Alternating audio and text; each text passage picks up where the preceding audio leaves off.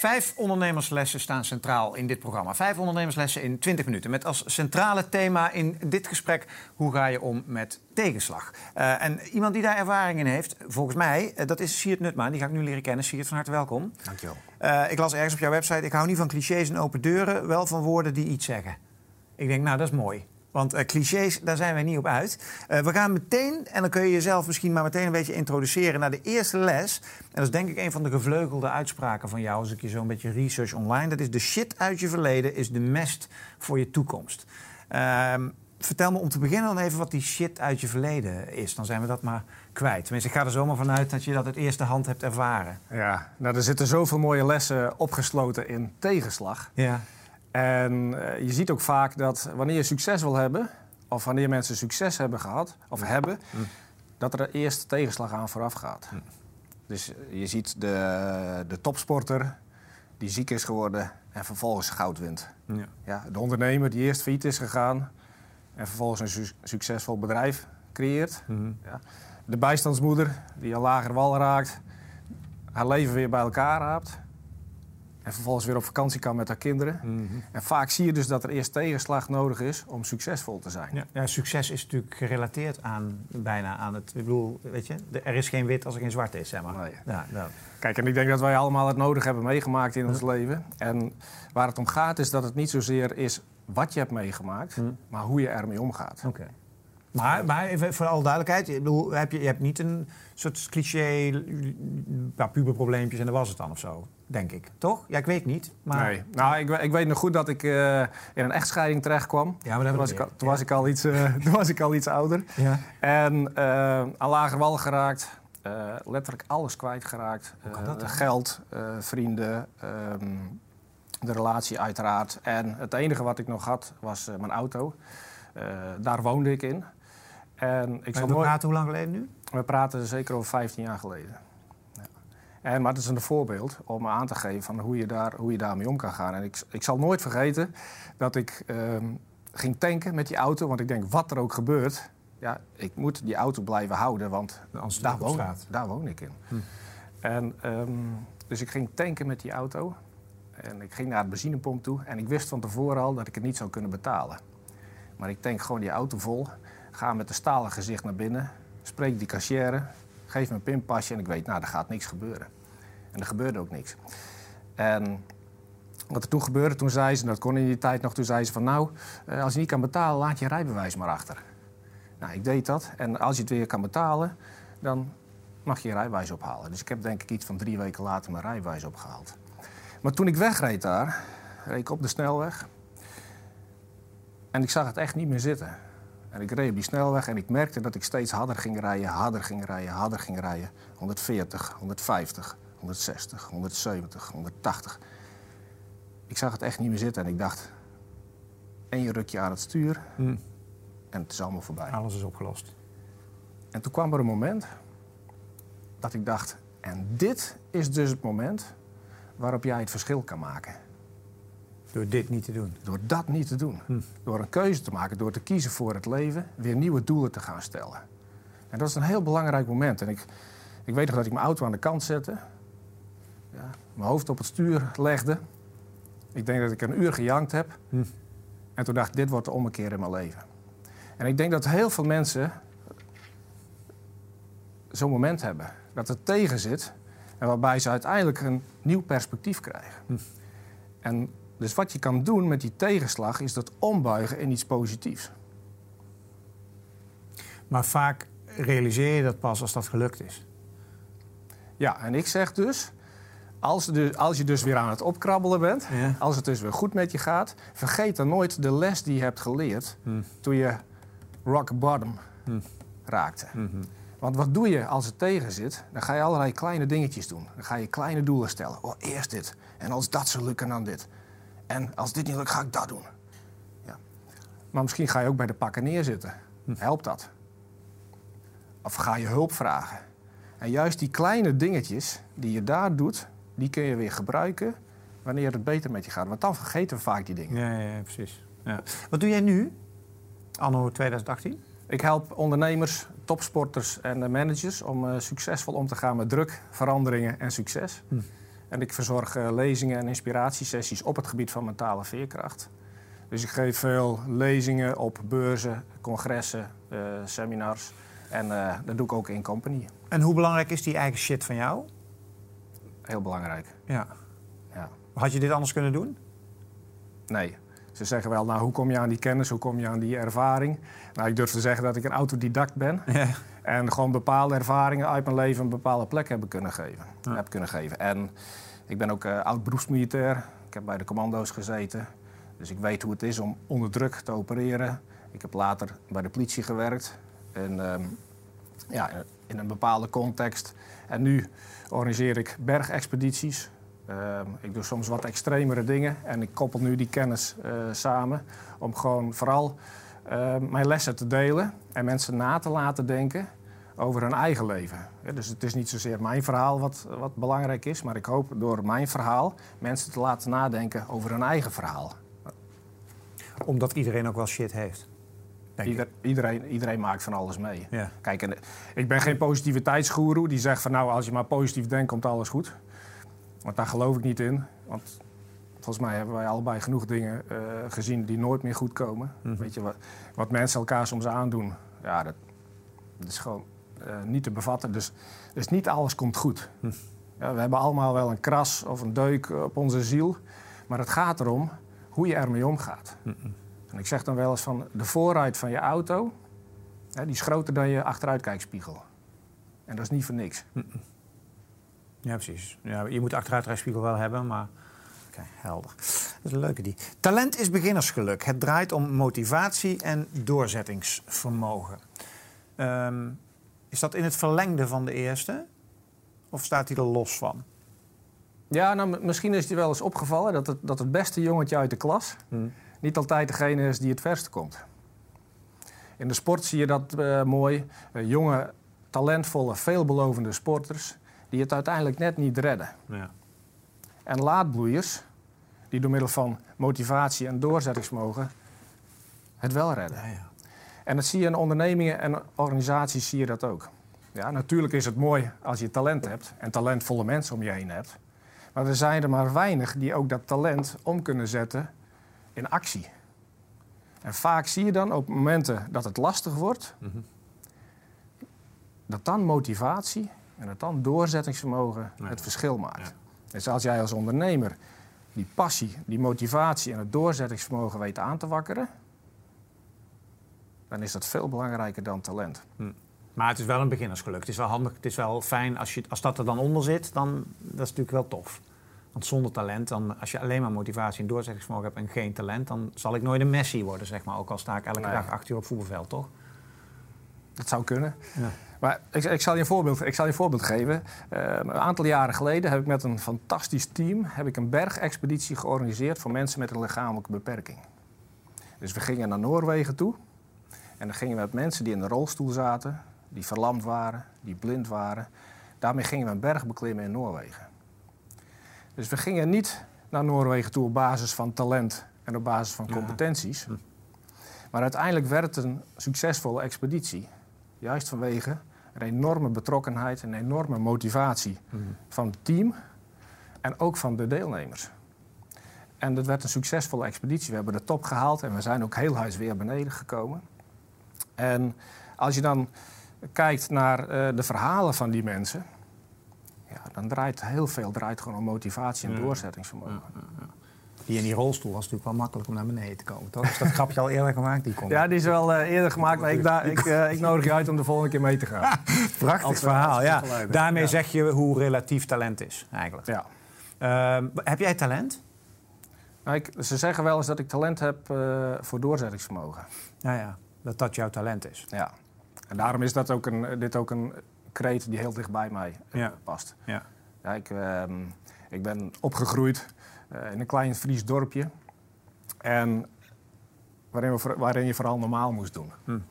Dus doe maar rustig aan. Doe maar gewoon en doe je gek genoeg. Doe maar gewoon, doe je gek genoeg. En dat heeft me altijd op een bepaalde manier getriggerd. Hm. In de zin van? Nee, doe maar niet normaal. Ja. ja dat doen we lang niet gek genoeg. Ja. In hoeverre is motivatie en doorzettingsvermogen nodig in, uh, uh, in een groot deel van hè, de zakelijke dienstverlening bijvoorbeeld, het bedrijfsleven. Het- dat is geen survival of zo. Hè. Het is, het is, eh, dus, dus in hoeverre zitten er ook veel ondernemers best wel in de relax mode als het gaat om, om ondernemen? Want ik kan me voorstellen als je echt tegenslagen hebt en je moet vanuit een rolstoel of met een handicap een berg beklimmen. Mm. Maar is dat een metafoor voor het gemiddelde ondernemerschap in Nederland? Nou, ik denk dat niet elke onderneming het even makkelijk heeft tegenwoordig. Hm. Vooral niet in deze tijd, vol met veranderingen. Dus eh, ze zeggen wel eens, ja, verandering is de enige constante. Maar ik vind dat de mens is ook de enige constante Mhm. in die wereld van veranderingen. En hoe mooi zou het zijn als jij als onderneming, als jij als manager, als jij als directeur gaat investeren in die mensen. Mhm. Los van allerlei technologie die je nodig hebt om bepaalde doelen te bereiken, is het ook heel zinvol om te kijken naar die mens zelf. Van wie werken er eigenlijk in jouw organisatie? Waarvoor doen zij het? Mhm. Waar zit hun motivatie? Waar zit hun betrokkenheid? En kan ik op hen rekenen in tijden dat het wat minder wordt? Zijn zij dan bereid om ondanks die druk, om ondanks die tegenslag, een stapje extra te doen? En dan heb je het over doorzettingsvermogen. Ja, kunnen we er de oorlog mee winnen? Zeg maar. ja. Ehm, willen is... Oh nee, gedraag je als een hommel. Gedraag je als een hommel. Die moet je uitleggen. Ja, nou, in mijn lezingen eh, maak ik wel eens de vergelijking met Calimero en een hommel. Dus dan vraag ik aan mensen, ik zeg, wie heb je liever in je team? Een Calimero of een hommel? Nou, je kent Calimero, Ja. toch? Ja, ik wel. Ja. Een heleboel mensen die nu zitten kijken misschien niet, maar dan moeten ze maar even googelen. Ja. Ja. Dus wat zegt Calimero? Calimero zegt, zij zijn groot en ik ben klein en dat is niet eerlijk. Ja. Ja? Ehm, Calimero heeft altijd pech. Calimero kan nergens wat aan doen. Andere mensen hebben altijd de schuld en heel veel dingen mislukken. In heel veel organisaties werken heel veel Calimero's. Mhm. Maar dan heb je de hommel. Dat is dat kleine, mooie beestje. En, wa- en met die hommel is iets interessants aan de hand. Want de hommel heeft een heel groot lijf en hele kleine vleugeltjes. En volgens sommige mensen kan volgens de wet van de aerodynamica kan die hommel helemaal niet vliegen. Want zijn lijf is gewoon veel te groot en te zwaar ten opzichte van de spanwijdte van zijn vleugels. Maar die hommel, die kent die wet niet. Dus die gaat gewoon vliegen. Ja. En ondertussen maak je nog honing aan ook. Wat je nou vaak ziet, is dat de hommel in de organisatie het verschil maakt. Ja, ja. Dat hij denkt van, we gaan het gewoon doen. ja, fuck it, ja. We gaan het gewoon regelen. Ja. En ik weet, een aantal jaren geleden ehm, heb ik een marathon gelopen op de Noordpool. Moeten wat te doen hebben, hè? Mijn eerste marathon ooit. En doe maar gelijk op de Noordpool. Nou, hoe ben ik daar terechtgekomen? Ik kwam een oud collega tegen in de sportschool. En die zei tegen mij, Siert, je bent een sportieve kerel. Maar hardlopen is niet echt jouw ding. Ik zei, nee, dat klopt. Ik vind er ook niks aan. Ik heb ook echt een hekel aan hardlopen. Nee, hij zei, ik zag je laatst lopen door de wijk. En het ziet er nogal een beetje lomp en zwaar uit. En ik ging daarna naar huis en ik weet niet hoe dat bij jou gaat. Iemand zegt iets tegen je en dan wordt er een soort van zaadje geplant in je, in je hoofd. En dan denk je van, nou wacht maar eens eventjes. Ik zal jou even wat laten zien. En ik ging nadenken en toen dacht ik van, wat als nu als niet-hardloper, als iemand met een hekel aan hardlopen, de zwaarste en koudste marathon ter wereld gaat lopen. Dus ik sprak met Marielle, mijn vriendin, en die zegt, ik ga een marathon lopen. En die dacht van, oh jee, Gaan we daar weer. gaan we weer. Ja, de hommel. Nou, dus ik ging een jaar lang trainen. Zes keer in de week trainen. Twee keer per dag macaroni eten. Elke avond om half tien naar bed. Trainen, trainen, trainen. En een jaar later stond ik op de Noordpool... samen met veertig andere idioten... vanuit de hele wereld... om daar een marathon te lopen op de Noordpool. Dus 42 kilometer rennen op de geografische Noordpool... bij min 32 graden. En ik kwam er toen achter... dat ik de enige niet-professionele atleet was daar. Dus er waren mensen die hadden op de Mount Everest gestaan. Er waren mensen die waren bezig met eh, recordpogingen. Er waren bezig met mensen om zoveel mogelijk marathons te, te lopen in weet ik hoeveel continenten. Nou, en ik, De hommel. de hommel. Nog nooit eerder een marathon. Hoeveel eindigde je? Zoals, zeg maar, in die 40. Ik werd achtste. Achtste? Ja, Right. ja. Ja. Dus wat de boodschap eigenlijk is van die hommel... laat je niet onnodig klein maken. Nee. Helemaal niet door jezelf. Als je nu ook ziet, de organisaties die succesvol zijn, Die hebben allemaal wel iets van een hommel in zich. Ja, ja, ja. Het is maar goed dat de Calimero niet meer op televisie is, toch? Voor de jeugd van vandaag de dag. Die leren allemaal foute dingen. Ja, maar dat blijft wel Zij zijn groot en ik ben klein. Ja. En dat is niet eerlijk. Ja. Willen is belangrijker dan kunnen. Ja, dat heb je eigenlijk zeg maar, met deze lessen wel duidelijk gemaakt. Hè? Ja. Maar dan moet je wel weten wat je wil. Ja. In mijn inspiratiesessies ehm, maak ik, dan vraag ik mensen wel eens ehm, om te dagdromen. En zeggen, waar denk je aan als je thuis op de bank ligt? Waar fantaseer je dan over? En dan krijg je wel eens eh, verhalen van... oh, ik zou, wou- zou wel eens op een onbewoond eiland willen leven. Of ik zou de staatsloterij willen winnen. Of ehm, oh, ik zou een Ferrari willen hebben... en dan zou ik de hele avond rondjes over de boulevard willen rijden. En dan vraag je door. En dan, zeg je, en dan vraag je van, en stel nou dat het lukt. Mhm. Stel je hebt dat onbewoonde eiland. Je zit op dat onbewoonde eiland. Hoe voelt dat dan? Hm. En dan krijg je eh, verhalen als... ehm, ja, dan voel ik me vrij. En dan heb ik rust. En aan degene die de staatsloterij wil winnen, vraag ik van... En hoe voelt het dan? Je hebt de staatsloterij gewonnen. Oh, dan ben ik onafhankelijk. Hey, en jij rijdt in die Ferrari, rij je over die boulevard. Hoe is dat? Stel je eens voor hoe dat is. En ze ja, dan zien mensen mij, dan hebben ze respect voor mij. En voordat je het dus weet, gaat het over hele andere dingen. Gaat het over je vrij willen voelen. Gaat het over onafhankelijkheid. Gaat het over erkenning. Gaat het over gezien willen worden. En dat is dat wil. En als jij weet wat je wil, als je weet dat dat je li- dieperliggende drijfveer is, biedt dat een heel nieuw perspectief. Ja, dan hoef je misschien niet de staatsloterij te winnen of een Ferrari te hebben. Of, eh, Want hoe zou dat zijn als jij vanuit die drijfveren leeft ja. en van daaruit iets betekent voor jezelf, maar van daaruit ook dingen kan betekenen voor iemand anders? Ja. En dan krijg je een heel nieuw, per- nieuw perspectief. Ja. Slaat dit altijd aan binnen zeg maar, in-company trainingen? Of heb je ook wel eens sceptisch dat je een groep voor je hebt die zoiets zegt van... eh, moeten we naar mijn spreadsheet? Zeg maar dat. Weerstand. Of, Dat- of valt dat- dat mee? Mm, nee, want je raakt de mensen. Hm. Het gaat over mensen. Ja. Kijk, en ik denk dat veel organisaties niet de vraag zouden moeten stellen van nou, wat kunnen we en kan dat wel? Maar dat ze de vraag stellen, ja, maar wat willen we nou met z'n allen? Mm. Waar worden wij nou blij van? En wat betekenen wij voor onze klanten? Mm-mm. Wat betekenen wij voor elkaar? Waar staan we nou 100% achter? Mhm. En dan gaan we daarna wel uitzoeken hoe we dat dan bereiken. Ja, precies. Je laatste les, ik wou dit boek laten zien, Mentale Veerkracht. Maar ja, dat gaan we dus nu niet doen. Dit boek moet je dus niet, eh, niet kopen, ook eh, niet lezen. Want de laatste les, stop met het lezen van managementboeken. Maar dan zeg jij natuurlijk, dit is geen managementboek.